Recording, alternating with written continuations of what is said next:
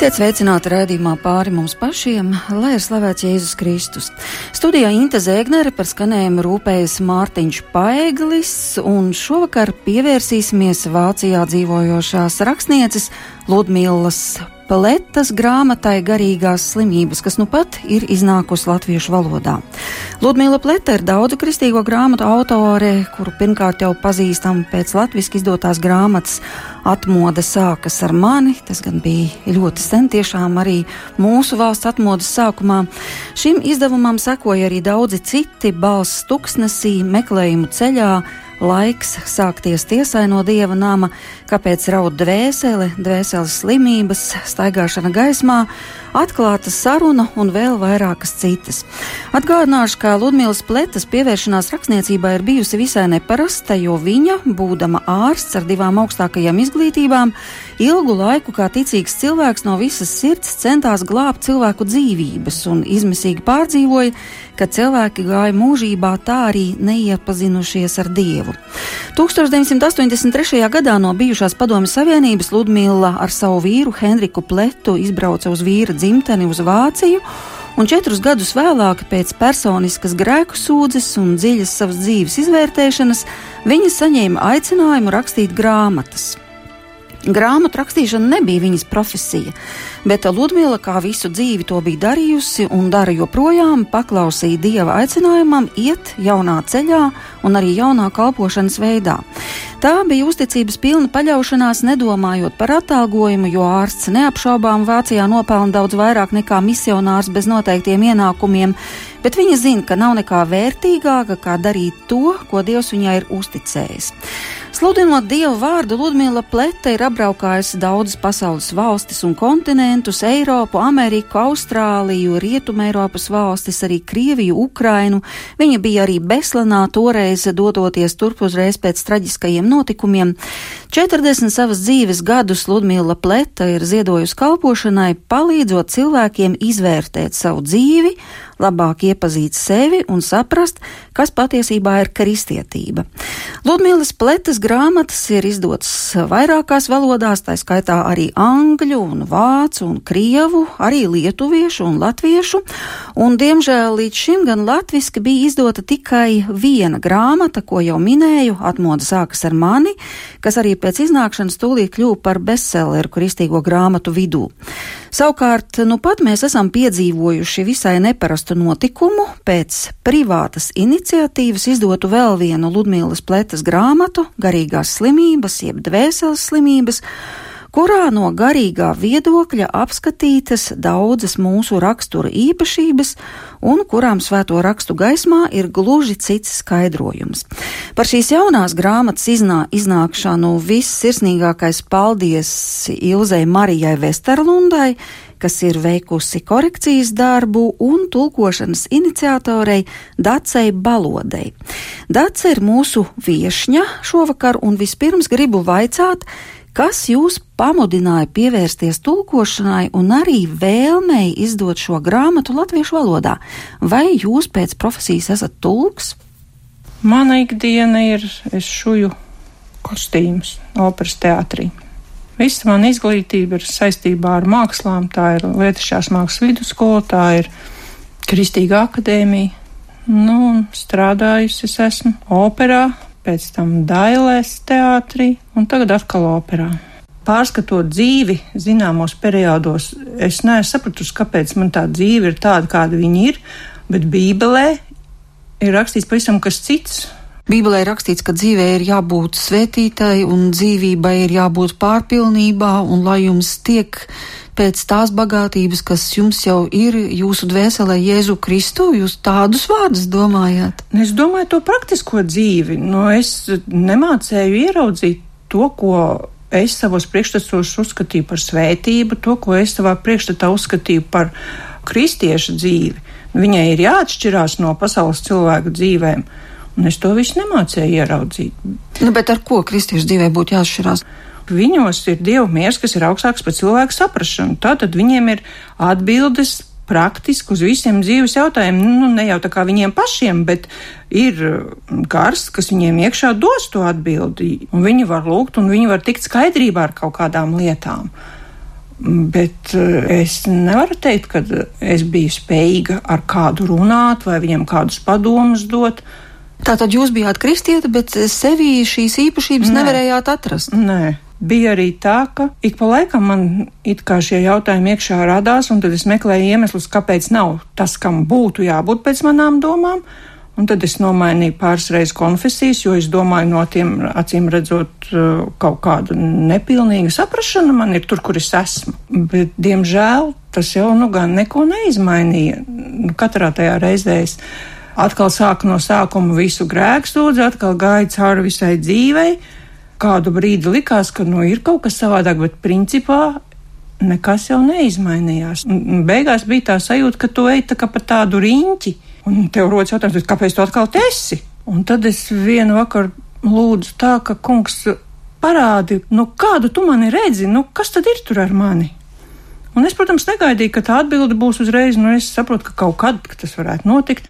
Bet tā galvenā problēma bija kāda, ka jūs sapratāt, ka jūs esat kristieta, bet nekādīgi nevarējāt piedzīvot, nu, sacīsim, kristīgu izaugsmi. Tā kā jūs jā. neredzējāt attīstību savai kristietībai, jā, jums jā. bija sajūta, ka jūs kā kļuvāt kristieti, tā turpat uz vietas stāvat un nekādu jā. pieaugšanu garā neredzat. Jā, tieši tā.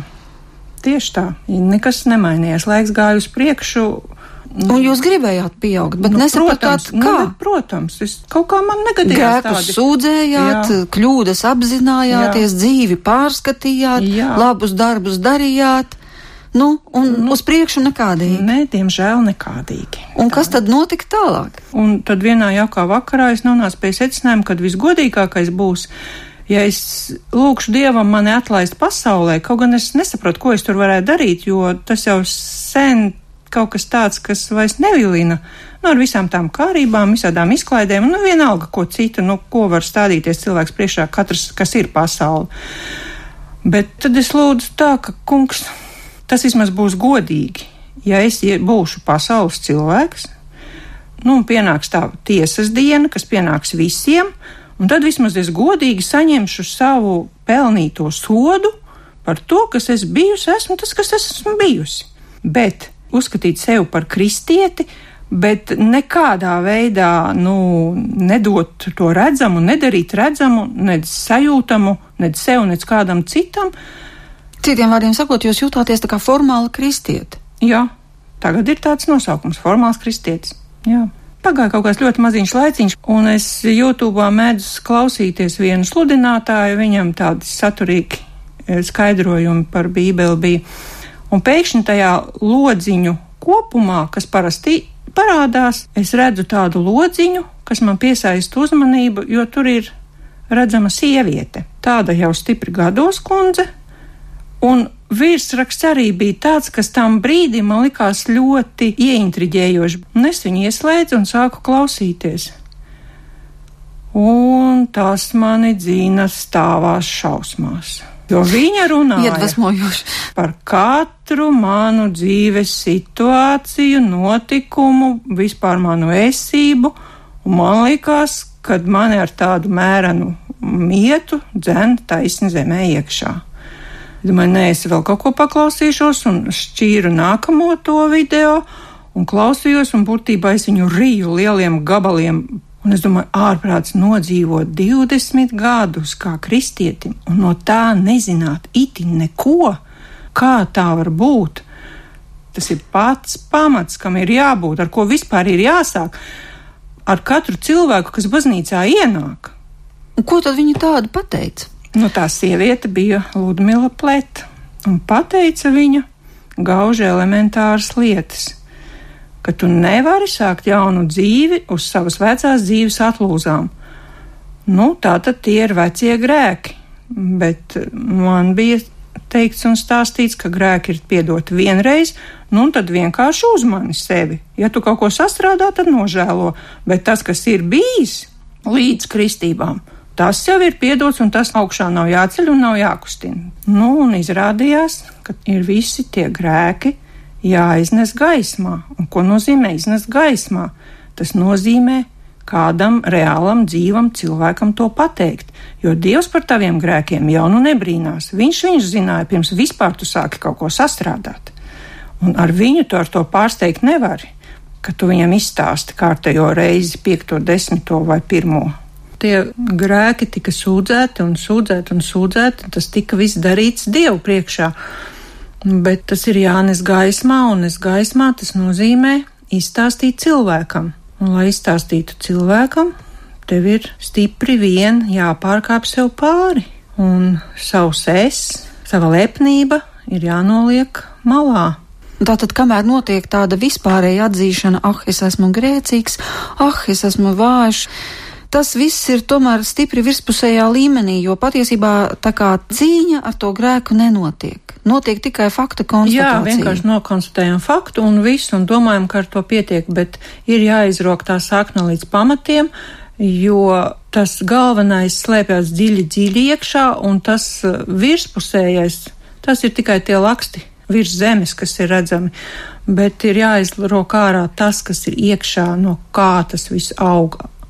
Un to tādā virspusējā komunikācijā, tādā atzīšanas formā, savā istabā, savā nodabā, savās domās, ka tomēr tas tā nedarbojas. Ne, tas, tas, diemžēl, nedarbojas gan, vai es to esmu pārbaudījis vairākas reizes.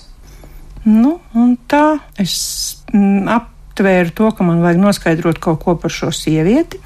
Es sameklēju internetā, atradu, ka viņiem ir sava mājaslapa, ka tā ir misija dzīvie ūdeņi, un tad atradu, ka tur ir grāmatas, un tā es pasūtīju visas tās grāmatas. Pēc maza laiciņa viņas arī man tika atsūtītas, tad es tā domāju, bet es taču varētu mēģināt uzrakstīt Ludmilai, kas zina, varbūt nu, viņai atrodas laiks. Nu, tā es saņēmos un uzrakstīju viņai vēstuli.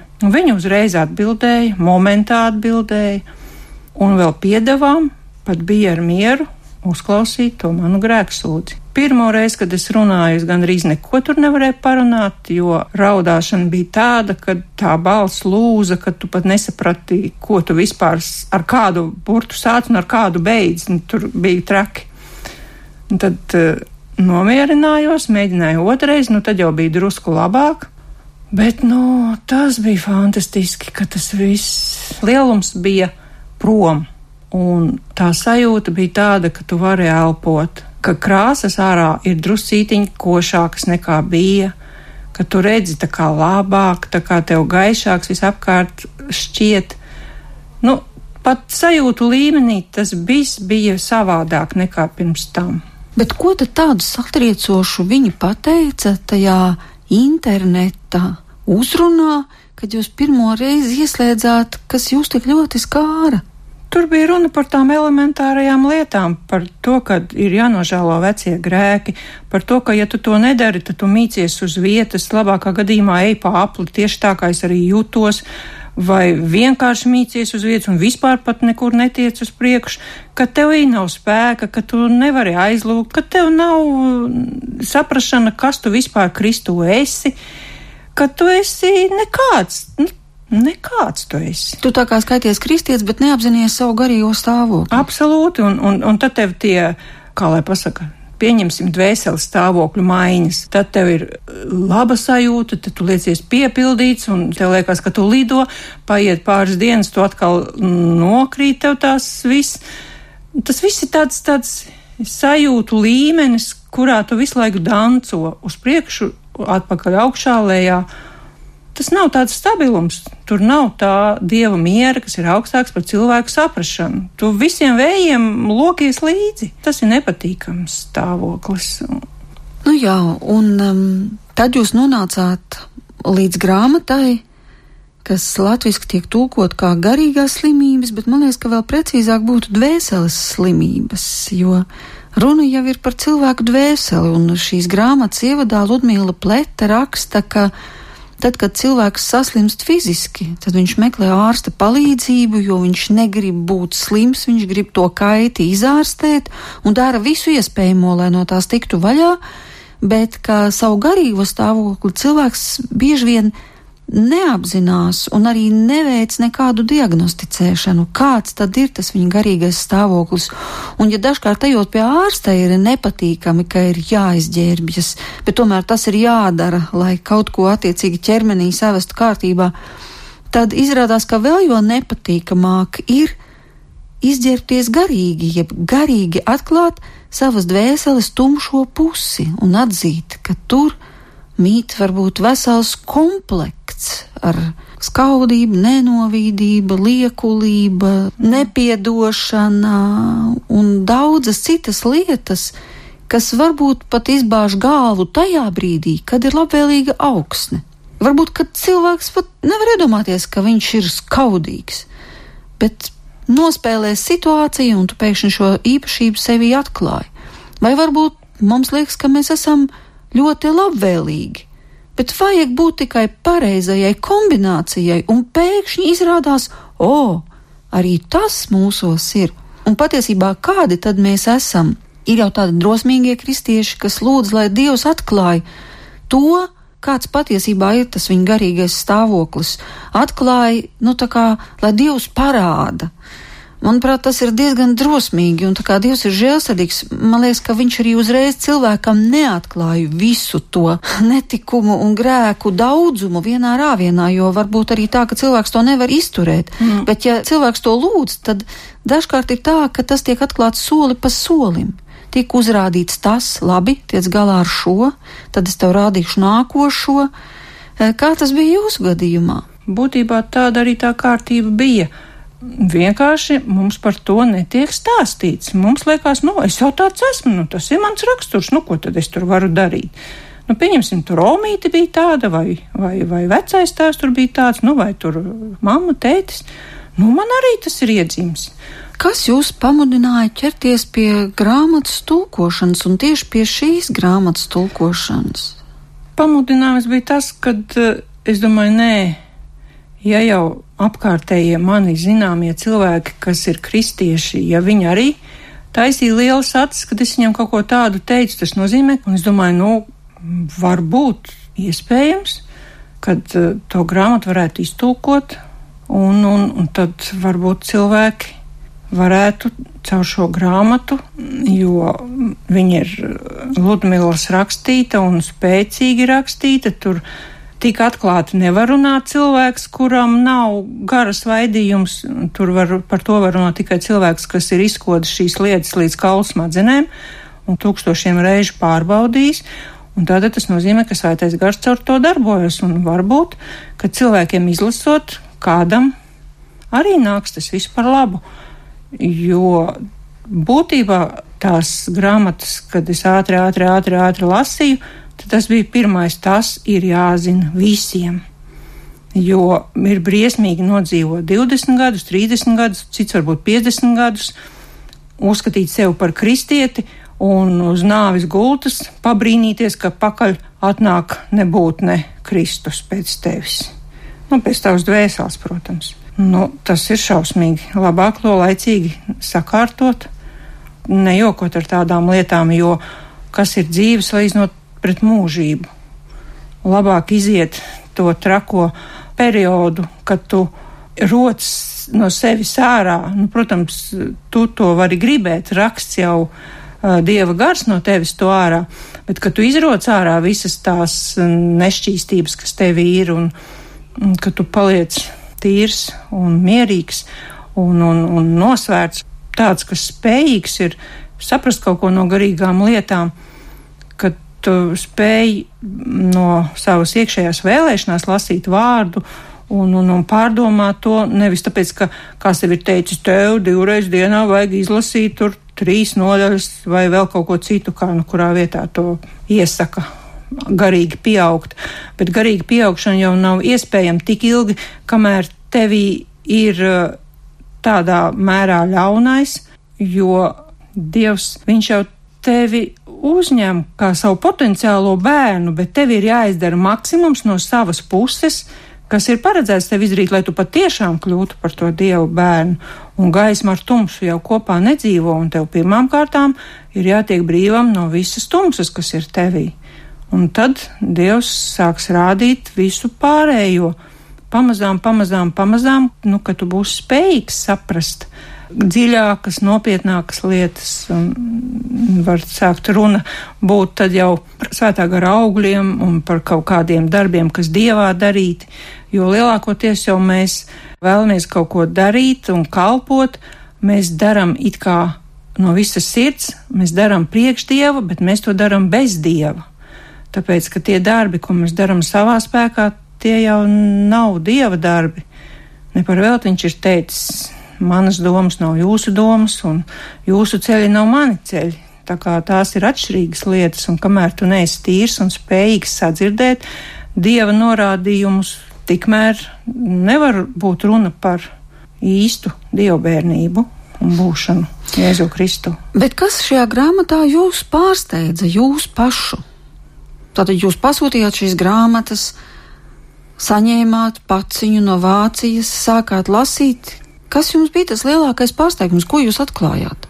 Es atklāju to, ka tas, ko mēs uzskatām par raksturu īpašībām, ir cēloņa sakrību rezultāts, kad mēs tās iemantojam šīs īpašības it kā caur grēku, un ka no tā visa var tikt vaļā, un kad uh, Dievs var atsabināt un padarīt tevi līdzīgāku sev, un tas nozīmē, ka tādā veidā tas vecais cilvēks tiek piesists krustā, un katra šī tava uh, sliktā rakstura īpašība viņa no tevis aiziet, un tātad tavs vecais cilvēks iet mazumā, un tātad Kristus var tevi iet vairumā.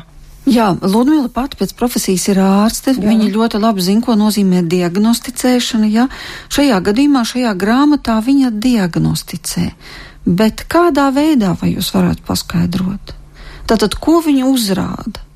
Kas ir tas, kas varbūt eh, jūs, jūs teicāt, ka jūs esat pārliecināti, ka daudzi to nezina? Nu, kas tad ir tas, ko varbūt mēs daudzi nezinām? Ko viņa atklāja šajā grāmatā? Par ko viņa runā? Ievadā viņa, piemēram, runā par rūkto sakni. Ir bībelē tādi vārdi, un lai nekāda rūktā sakna jūsos neiesakņojas, ir teikts. Un tad viņi tālāk skaidro, kas ir šī rūktā sakne. Nu, tad kas ir šī rūktā sakne? Jums tas bija kāds pārsteigums? Nē, tas man nebija pārsteigums. Par to tēmu es biju kaut ko kaut kur dzirdējusi, un es to biju ravējusi no sevis ārā. Tur daudzas lietas bija tādas, kas bija kaut kur pausu galam, kaut kad, kaut kādā veidā dzirdētas, un es jebkādus tādus garīgus uh, jaunumus, ko es kādreiz jau kādu uzzināju, es tos parasti samēroju ar sevi, ar savu stāvokli, un ja, ja es atradu kaut ko, kas ir uz to pusi velk, tad es centos no tā tikt vaļā, un, un, un, un, bet uh, par laimi tas viss ir tās nu, nosacīti vieglākās lietas, no kurām vieglāk ir tikt vaļā. Mana klupšana bija tajā, ka es nezināju neko par okulto grēku un, un seksuālo grēku nožēlošanu dvēseli aprūpētāju klātbūtnē. Tas bija tas, kas darīja vis, nu, vislielākās problēmas, ko es apzinājos sevī. Uh, Es nezināju tam izskaidrojumu, es nezinu, kāpēc notiek tā, vai kāpēc notiek šitas ar mani, vai vēl kaut kas notiek, bet, nu, šeit te grāmatā es to uzzināju, kas tur ir par iemeslu, un, un to nožēlojot, visi simptomi, visas tās pazīmes, viņas visas aizgāja, un tu esi brīvs un mierīgs cilvēks.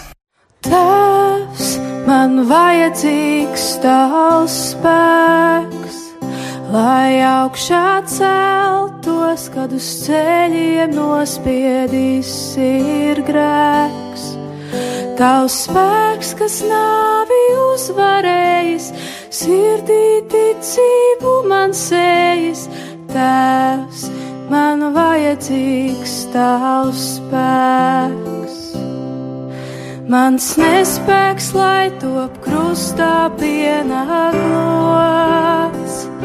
lai dzīvot varu spēkā, kas caur Kristu iemantots, lai vienmēr gatavs piedošanu miera vēsti nest.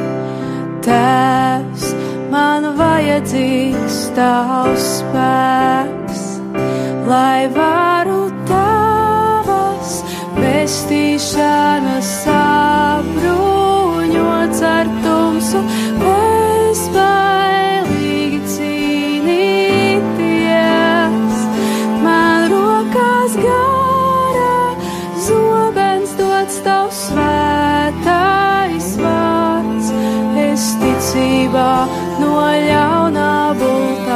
pasargāts. Ticībā es tevi pasargāts. Tēvs, paldies, ka pieder man tavs spēks, lai arī tā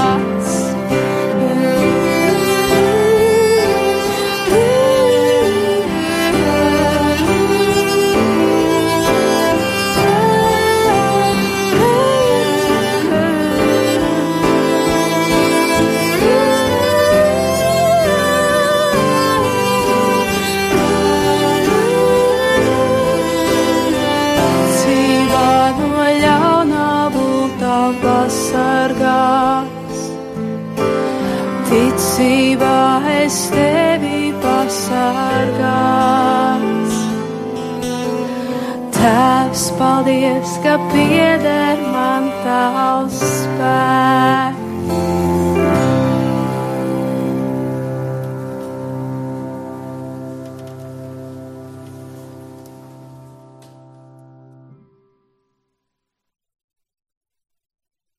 Man šajā grāmatā ļoti iepriecina tas, ka Ludmila Plēta nevis vienkārši uzrāda, piemēram, runājot par skaudību, par skopumu, vai nenovīdību, vai neiecietību, vai e, lepnību, vai jebkuru, ko mēs te vēl paņemsim, viņi ļoti smalki uzskaita šīs, mēs varētu nosaukt viņas par īpašībām, mm -hmm. kaut gan mēs zinām, cik lielā mērā tā, tās nemaz nav īpašības, bet gan garīgs stāvoklis.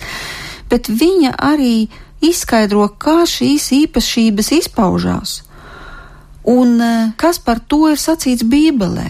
Līdz ar to mums nav pašiem kā, jātiek ar to galā, vai, vai jādomā, es esmu skaudīgs vai neesmu skaudīgs, vai manī tas ir, vai manī tas nav, vai man tikai tā šķiet.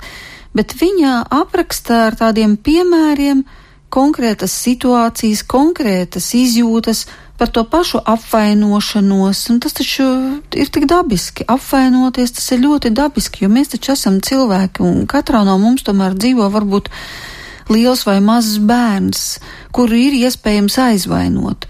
Un tad mēs pēkšņi atklājam, no kurienes šī aizvainojuma saknes, kā viņas ir radušās, kāpēc viņas tā uz mums iedarbojas, kāpēc mēs nepiedodam, kāpēc mēs turam aizvainojumu, kāpēc ir tik grūti piedot. Respektīvi, tā analīze, tas man šķiet ļoti vērtīgi. Jā, tā grāmatā būtībā viss tiek ieliets ar karotīti mutē. Tur viss ir pamatots, viss ir izskaidrots sīk smalki. Un, un tad būtībā tev pat nerodās šaubas par to vārdu patiesumu. Un, ja tu vēl to visu izmēģini pie sevis un secini, nonāc pie secinājuma, ka tas ir darbojās un ka tu esi tapis brīvs, nu, tad vienkārši negribās to paturēt tikai sev, jo uz ielas ir daudz tādu, kuri pat uh, uz cilvēkiem skatīties nevar ar paceltu galvu un atvērtu seju. Viņi ir nomākti, viņi ir ļoti, ļoti nomākti. Tas viss ir vajadzīgs, lai cilvēks taptu brīvs, lai viņš spētu mīlēt, lai viņš spētu ieraudzīt apkārt, kas notiek, lai savus līdzcilvēkus ieraudzītu, lai, lai viņš vienkārši varētu dzīvot to dzīvi, kas cilvēkam ir paredzēta, lai viņš neeksistētu un, un nenovilktu tos savus mūža gadus, un beigu beigās būtu tikai atmiņas par kaut ko, ko kāds man ir izdarījis pāri, ko man kāds nav izdarījis vispār priekš manis, un ka tu paliec vientuļš, viens pamests ka tu vienkārši neesi bijis spējīgs pieņemt kāda mīlestību, kāda uh, labestība pret tevi, jo tevī ir bijis iekšā tas, kas ir bijis, šī nepiedošana, šis rūkums, šis.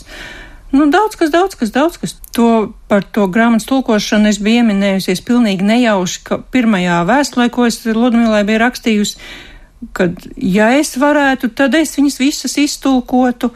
Bet nu, tas bija tāds jūtas uzplūds, ko es biju pateikusi. Bet tad, kad bija pabeigta tā lielā grēksūdze, tad Ludmila pati piedāvāja, ka, lai es lūdzu Dievu un pajautāju viņam, vai pastāv šāda iespēja, ka šī grāmata tiek tulkota. Un es arī tā darīju, un pagāja kaut kāds laiks, un atnāca atbilde, un tā bija tāda, ja tava roka zina darīt labu, tad nekavējies. Nu, tad es sapratu, kad es varu droši ķerties šim darbam klāt. Bet tagad kāds liktenis gaida šo grāmatu? Cik eksemplāros tā ir izdota? Un, ja kādam no mūsu klausītājiem ir vēlēšanās to izlasīt un saprast šo dvēseles stāvokļu geogrāfiju un izanalizēt savu garīgo dzīvi iepratī šim sarakstam, ko Ludmila piedāvā, kur viņu būtu iespējams iegādāties, vai jūs to iesniegsiet veikalos, vai turēsiet pie sevis operā, vai nu, kādā veidā mēs varam pie šīs grāmatas tikt? Ir grāmatas izdotas, daļa stāv pie manis, daļa stāv pie vēl vienas sievietes. Nu, pagaidām paziņas viņu iegādājas. Grāmatai ir 500 eksemplāri. Tas patiesībā nav daudz. Nē, tas nav daudz. Pagaidām var zvanīt man, dacei, un var pasūtīt. Nu, ja lielāks skaits, tad cik vajag, tad var aizsūtīt. Var arī vienkārši sazvanīties un satikties, un es varu to grāmatu atnest. Var aiziet pie jums līdz operas teātrim Jā, un pie strūklakas, un pie strūklakas saņemt šo grāmatu. Droši, droši. Tā arī var, jā. Jā, un jūs tad arī sauktu savu telefonu. Tas ir 275 275, 63. 275, 275, 63. Dace Balode. Jā. Paldies, Dace, ka jūs šovakar bijāt studijā. Paldies, ka tulkojāt šo grāmatu, ka devāt iespēju tādējādi arī caur Ludmīlas pletas 40 gadu ilgo kalpošanu dvēseļu aprūpē cilvēkiem uzzināt varbūt vairāk par savu garīgo stāvokli un arī iespējām to uzlabot, un cerēsim, ka daudziem šī grāmata būs noderīga. Bet es vēl gribu, lai mēs arī šokar ieklausītos, ko ir sacījusi Ludmila Pleta, un šī saruna notika nu, jau pirms daudziem gadiem, varbūt 15, Lietuvā, kad viņi tur viesojās, un Toreiz mūsu saruna bija par citu viņas grāmatu, par staigāšanu gaismā, ko tas nozīmē, bet jāteic gan, ka šīs lietas ir savstarpēji ļoti saistītas, jo vairāk mēs tiekam vaļā no saviem, nu nosauksim tos maigi, netikumiem, jo vairāk dievu gaismu mūsos var atspīdēt. Attiecībā uz staigāšanu gaismā tā grāmata arī tiek tulkota. Labi, vēlēsim tad arī šai grāmatai labu ceļa vēju šeit Latvijā. Un tomēr gribu vēl pavaicāt, bet kas tad jūsos mainījās pēc šīs grāmatas izlasīšanas? Man tagad ir absolūta pārliecība, ka es esmu Dieva bērns.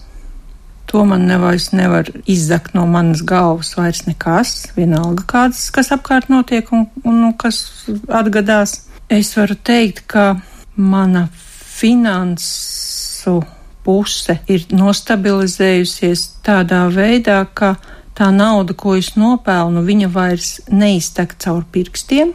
Es nepelnu vairāk, kā es iepriekš pelnīju, bet viņa, man nauda ir, man vairs nav jādzīvo tā, kā nu, savilkt tikai galus kopā.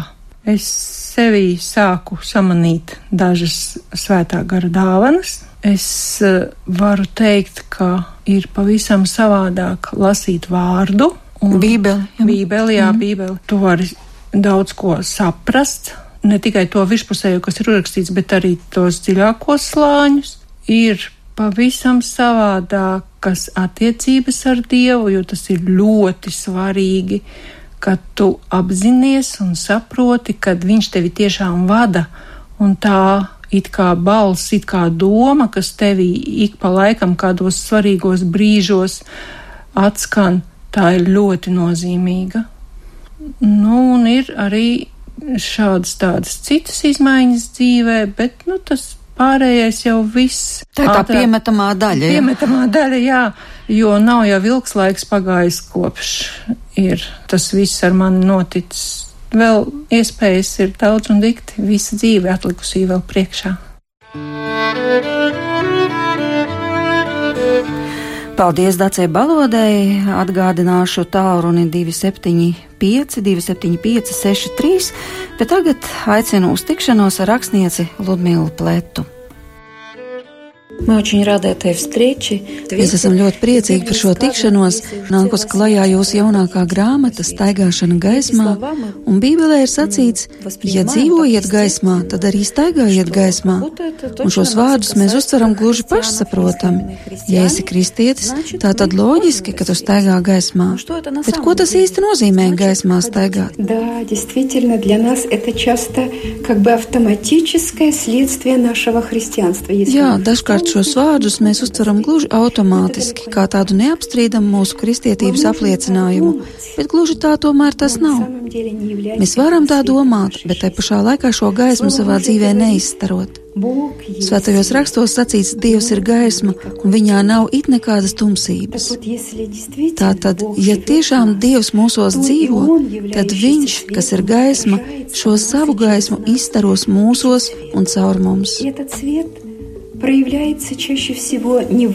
Un šī gaisma izpaudīsies ne jau kādos ārkārtējos mūsu dzīves mirkļos vai pacēluma brīžos, bet gan mūsu vienkāršajā ikdienas dzīvē dzīvē, kas ir pilna ar grūtībām, pārbaudījumiem, ciešanām un problēmām. Un lūk, tur mūsu reakcijā uz visu to, kas mums jāpārdzīvo, mūsu vārdos, ko citiem veltām, mūsu uzvedībā un rīcībā, tad arī ir redzams, vai tiešām Dievs un viņa darbība izpaužas mūsu dzīvē, vai arī nē. Lūk, te var novērot, vai esam garīgi vai miesīgi kristieši Vai mēs patiešām staigājam gaismā, vai tikai paši tā domājam, ka staigājam gaismā? Mīsīga kristiešu daba agri vai vēlu izpaudīsies. Даже если они не сознавали гордостью. Un mēs viņu rīcībā ieraudzīsim lepnību, uzpūtību, augstprātību, ja viņus nenovērtē, neatzīst vai pēkšņi pabīd malā, sako sašutums, aizvainojums, kā tad tā, mani nepasauca, bet es taču gribēju darboties. Īsti garīgs kristietis turpretī reaģēs mierīgi. Jo viņš var atrasties gan rampu gaismā, gan arī tikpat labi palikt ar jēnā. Jūs pati kādreiz bijāt miesīga kristiete? было вот это состояние плотского христианина? Конечно. Protams. Некоторые думают, если плотской, то это плотской Daži domā, ja reiz miesīgs kristietis, tad viņš par garīgu nemaz nevar kļūt. Tā nav. Miesīga kristietība ir pat zināma norma pašā sākumā, kad cilvēks nāk pie Dieva kļūst ticīgs. Kad bērns, piemēram, piedzimst, viņš taču arī uzreiz nav pieaudzis. Viņš ir bezpalīdzīgs, viņam ir vajadzīga mammas aprūpe, Taču, ja šāds bērns līdz pat 5, 6, 10 gadu vecumam paliek šādā zīdaiņa līmenī, tas gan jau vairs nav normāli. Kad ar šādu cilvēku sāc runāt, šķiet, ka viņš tikko ir iepazinis Dievu. Viņam ir tādi uzskati, kā garīgam zīdainim, kas ir raksturīgi pašā pirmā ticības sākuma pakāpē. Nu, piemēram, kas? Nu, piemēram. Меня Господь спас. Dievs man ir izglābis, Viņš mani mīl, Он снисходит Viņš ко мне. iecietīgs pret mani. Jā, es grēkoju, bet Viņš pret mani ir iecietīgs, jo Viņš mani mīl tādu, kāds es esmu. Tā runā zīdainis Kristū, kas ir pašā pirmajā kristietības līmenī. Тот, который находится на начальной стадии христианства и на начальных этапах хождения за Господом. Если человек взрослеет, Господь начинает открывать. Kad cilvēks sāk augt, что для Dievs viņam младенца sāk atklāt daudz ko, kas zīdainim vienkārši nav saprotams. Что он начинает открывать? Ko viņš sāk atklāt? Первое. Pirmkārt, mēs zinām, pavisam nesen mēs svinējām vasaras svētkus. Un lūk, ļoti interesanti, ko Kristus ir sacījis par svēto garu. Viņš ir sacījis, kad nāks svētais gars, ar ko viņš sāks. Daudz uzskata, kā kristība svētajā garā nozīmē pirmkārt runāšanu mēlēs, bet ko Jēzus saka? Viņš saka kaut ko tādu, kas liek mums apstāties un aizdomāties. Paga, paga. Vai svētais gars jau ir izdarījis manī to, par ko Jēzus runā? Un ko tad viņš saka? Tad nāks svētais gars, ar ko viņš sāks. Viņš atvērs mums acis uz mūsu grēkiem uz Dieva taisnību un viņa tiesu. Ja svētais gars nāk un sāk atvērt cilvēka acis uz viņa grēkiem, viņš neatver šīs acis tā vispārīgi par to, ka es esmu nu tā grēcinieks. Diemžēl tieši tā domā ļoti daudzi kristieši šādā līmenī. Kungs, piedod, es esmu grēcinieks, piedod, es gribu būt tavs bērns, apžēlo, es esmu grēcinieks. Ar vienu vārdu viņi noraksturo visu savu situāciju. Jā, tas ir pareizi, bet šāda attieksme raksturīga zīdainim. Tas ir tā, ka bērns ienāk pasaulē un izdod šo pirmo brēcienu, paziņojot, ka viņš ir dzīves, bet tas ir pats pirmais solis. Ja kristietis vispirms vispārīgi atzīst sevi kā grēcinieku, labi, tas ir labi. Bet ja viņš šādā līmenī paliek 15, 20 gadus, sakot tikai jā, es esmu Dieva bērns, protams, ka es grēkoju, bet Dievs mani mīl, un viņš mani pieņem tādu, kāds es esmu. Saprotiet, šādā līmenī, zīdaiņa līmenī, viņš var palikt 5, 10, 20 un vēl vairāk gadus. Bet, ja mēs augam un ejam ārā no šī zīdaiņa stāvokļa, jeb miesīga kristieša stāvokļa, tad svētais gars strādā tālāk. Nu, un ko tad viņš dara? Ja svētais gars nestrādā ar mums, tad mums jautājums ir, vai mēs ļaujam svētajam garam strādāt, darboties. Svētais gars sāk atklāt mums dziļāk lietas, nevis uz mūsu grēcīgumu vispār, bet uz katru konkrētu grēku. Uz katru grēku, kas mūs šķir no Dieva, kas traucē svētajam garam darboties. Un nevis vispār tā, es esmu nikns, man ir skaudība, greizsirdība, lepnība. Viņš sāk konkrēti rādīt, kā izpaužas tava lepnība, kā tieši tev viņa izpaužas. Viņš rāda avotu šai lepnībai. Un visbiežāk tas ir saistīts ar mūsu lielo es. Proti, katru grēku, kas ir mūsos, viņš atklāja ļoti dziļi. Un ne tikai atklāja, bet māca, kā cīnīties ar to. Es gribu konkrēti pajautāt. Piemēram, cilvēks secina, ka viņā ir skaudība. Nu, un šo skaudību viņš mana katru reizi, kad vien ir attiecīga situācija. Un šī skaudība nemainās. Viens gads ir pagājis, bet šī īpašība ir palikusi. Nu, ko tad viņš sev var izdarīt, nabadzīgs? Vai arī greizsirdība, vai aizvainojums, jebkas. Ziniet, mums cilvēkiem ir ļoti raksturīgi sevi attaisnot. Nevēlēšanos cīnīties, vai arī garīgu slinkumu. Поэтому ему говорить, я не могу. А как бороться с завистью? Bet kā tad Надо cīnīties ar реагировать skaudību? молитвой, прося у Господа Vajag reaģēt ar помощи. lūgšanu, А с другой vajag стороны, lūgt просто Dievam открыть palīdzību, это пред un Господом. svarīgi ir А если atklāt есть gan Dieva возможность еще priekšā лучше šo пойти в grēku, душу gan arī обратить, jāiet сказать, uz grēku «Помоги». sūdzi, un tā arī Вот я jāsaka, вижу palīdziet нескольких man, уже jo es ситуациях redzu jau одно и то же vairākās грех situācijās vienu un to Давай pašu помолимся, grēku, Господи. lūk šo skaudības grēku, Попроси, un это gal если galā ir двое, трое sacīts, согласятся, ja о чем divi vai говорится, trīs будут услышаны. ir Вот manā prātā kādas lietas dēļ, tad Dievs viņus uzklausa. Un nevajag savu grēku pataisīt baltāku nekā tas ir. Un nevajag arī domāt, ka vienā dienā es ieraudzīju to grēku, nākošajā jau būšu brīvs no tā. Dievs atbrīvos, bet Viņš gaida, kad arī mēs pieliksim Вспомните, savu есть такое место piepūli. Писания. Царство Божие усилием берется. И прилагающий усилия восхищает, то есть получает его. А что это за Un царство tikai Божие? tas, kurš pieliks pūles, saņems šo valstību. Kas tā ir par valstību? Miers, prieks, taisnība svētajā garā. Господь помогает тому, кто сам прилагает Un ir усилия. sacīts, ka Господь Dievs видит palīdz желание, tam, kurš pats стремление, cīnās. жажду очиститься Redzot от этого mūsu греха. vēlmi, Он посылает centienus, dedzību, cīnīties ar šo grēku, tikt vaļā no tā. Protams, ka Dievs sūta savu palīdzību. Bet tas nozīmē, ka tas nenotiek automātiski. Nē, un ne arī tik ātri. Ir jāpieliek pūles, ir jālūdzas, ir jāgavē, jāiet uz grēku sūdzi. Ziniet, mēs esam ļoti slinki. Mēs tik ļoti gribam, lai Dievs mūsu vietā visu izdara. Mēs varam dienām, nedēļām, pat gadiem lūgt. Kungs, šķīsti mani, attīri mani, atbrīvo mani no sliktām domām, no iekāres, paņem to visu nost, un tā mēs lūdzamies un lūdzamies un lūdzamies, bet Dievs saka, bērns, es labprāt to izdarītu, bet tu nedari to, ko tu vari izdarīt, kas tev pašam jādara. Nu, bet, ja, piemēram, cilvēkam ir lepnības grēks, un viņš tagad lūdz, lai Dievs no šī grēka viņu atbrīvo. Vai tas nozīmē, ka Dievs viņam sūtīs situācijas, kurās viņš regulāri tiks pazemots? 100%.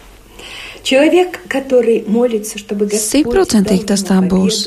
Cilvēks, kurš lūdz Dievam palīdzību uzvarēt savu lepnību, noteikti vēlreiz un vēlreiz savā ceļā sastaps situācijas, kuras Dievs viņam sūtīs un kurās šī lepnība tiks samīdīta Vai nu tas notiks ar cilvēku palīdzību, kas viņu pazemos, vai nu tas notiks ar viņa paša kļūdu palīdzību, Dievs mehāniski neizvilks no mūsu sirds lepnību, bet viņš sūtīs situācijas, kurās šī lepnība tiks samazināta, samazināta, apkaunota un galu galā sīsta krustā. Redziet, tad, kad mūs pazemo cilvēki, mēs varam būt sašutumā un teikt, kā tad tā, kā viņiem nav kauna. Un tad, vai mūsu sirdī ienāks miers? Nē. Vai mēs tiksim vaļā no lepnības? Nē. Bet saprotot, ka es taču lūdzu, lai Dievs man atbrīvo no lepnības, un lūk, šī ir situācija, kurā man ir reāla iespēja ar lepnību cīnīties, lai tā kļūst mazāk, tad, nu, beidzot, šī ir situācija, kā es reaģēšu. Viņš man šo situāciju ir sūtījis. Tā ir viņa palīdzība man, lai šajā situācijā mans es kļūtu mazāks, un jo lielāka ir mana lepnība, jo vairāk situācijas šādas Dievs man sūtīs, kurās mana lepnība tiks salauzta, un tas būs sāpīgi. Mūsu lielais es ļaus, klieks, raudās, bet ja mēs lūdzamies, tad mums ir jābūt pārliecinātiem, ka atbildot uz mūsu lūgšanu, Dievs šādas situācijas mums sūtīs. Tas nozīmē, ka vispār ir vajadzīga ļoti liela drosme lūgt Dievam šādu lūgšanu. Dievs šķīstī mani, attīri. Tas nozīmē, ka būs arī ļoti nopietnas sekas. Jā, ir vajadzīga drosme, bet ja mēs tiešām gribam, lai Dievs mūs attīra un šķīsta, un tuvojas mums un dod savu tuvību, jo tieši grēks ir tas, kas mūs šķir no viņa. Mums ir jāapzinās, ka tas mums kaut ko maksās. Un te nebūs skaisti vārdi, Dievs šķīstī mani attīri, tuvinies man, tuvini mani sev. Nē, tas mums kaut ko maksās. Un tad tik tiešām ir vajadzīga drosme, ir vajadzīgs spēks un izlēmība un gatavība maksāt šo pārmaiņu cenu. Tātad šādā otrā stadijā, ja tev ir lepnība, tad sūtīs tev cilvēks, kas tev pazemo, ja tev ir skaudība, tad sūtīs tev priecīgus cilvēkus un laimīgus, ja tev ir dusmas, tad sūtīs cilvēkus kādus, kas tev kritīs uz nerviem, kas tevi vedīs šajās dusmās, no kuriem tu gribēsi skriet projām. Un ziniet, mēs bieži vien lūdzot Dievam šo lūgšanu šķīstīt, atbrīvot, mums pat nojausma nav, ka tādējādi mēs tiešām izsaucam uguni uz sevi. Šo kārdinājumu uguni, kuros šis grēks izpaudīsies, bet arī tiks uzvarēts. Tātad tā ir īsta cīņa. Jā, īsta cīņa. Ja pretējā gadījumā visi šie grēki kopā ar mums sēdēs ierakumos un nelīdīs ārā. Jā, un tad grēki mūs uzvarēs, nemisvēs viņus. Mēs par tiem nerunāsim, mēs arī mierīgi kopā ar šiem grēkiem sēdēsim drošā vietā ierakumos un neiesim kaujas laukā. Jā, un būsim miesīgi kristieši kuros grēks dzīvo tieši tikpat brīvi kā pasaulē. Ja mūsos ir šī vēlme piedzīvot ar Dievu kaut ko vairāk, īstu tuvību, paļāvības pilnas attiecības, kādas ir avīm un ganam, kā saka Dievs, mana savas dzird mana balsi tad tik tiešām mums no mūsu dzīves ir jāaizvāc viss, kas mums traucē šajās attiecībās. Nu, nu kā tad mums visu dzīvi ķerstīt šīs grēku blusas? Jā, būt par kristieti nozīmē nemitīgu cīņu visas dzīves garumā. Bet Dievs ir mīlestība, un mēs šos vārdus ļoti labi uztveram un uzņemam.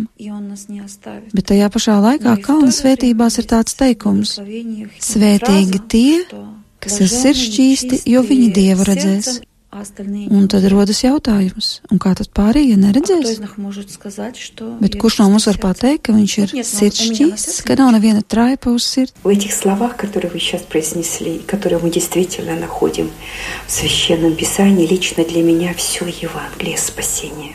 Šajos vārdos, ko jūs tikko pateicāt, personīgi man ir viss evaņģēlijs, visa glābšanas vēsts. Reiz es savu acu priekšā ieraudzīju šos vārdus. Un tad es īsti sapratu,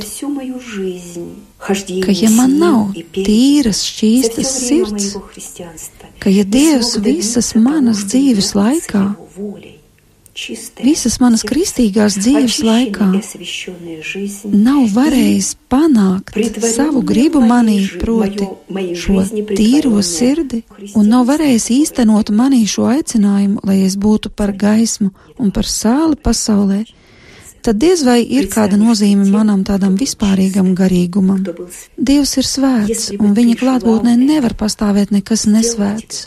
Nekas nešķīsts neieies debesu valstībā, un Dieva vēlme ir darīt mūs šķīstus, lai mēs varētu būt mūžībā kopā ar viņu. И Бог хочет всю нашу жизнь, Он и трудится над тем, чтобы нас изменить, чтобы все, что Visu mūsu dzīvi Dievs pūlas un cenšas mūs aizvien tīrākus un šķīstākus darīt, mainīt mūs. Un šajā kopīgā cīņā kopā ar viņu, lai mūs radītu par jaunu radījumu, par radījumu, kas ilgotos, nevis baidītos no mūžības un no tikšanās ar Dievu šajā mūžībā. Господи, слышу я волю Твою.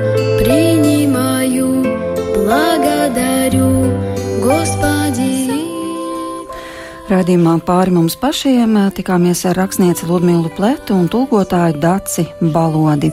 Studijā bija Inte Zēgnere, bet par skanējumu rūpējās Mārtiņš Paeglis. Gospodи.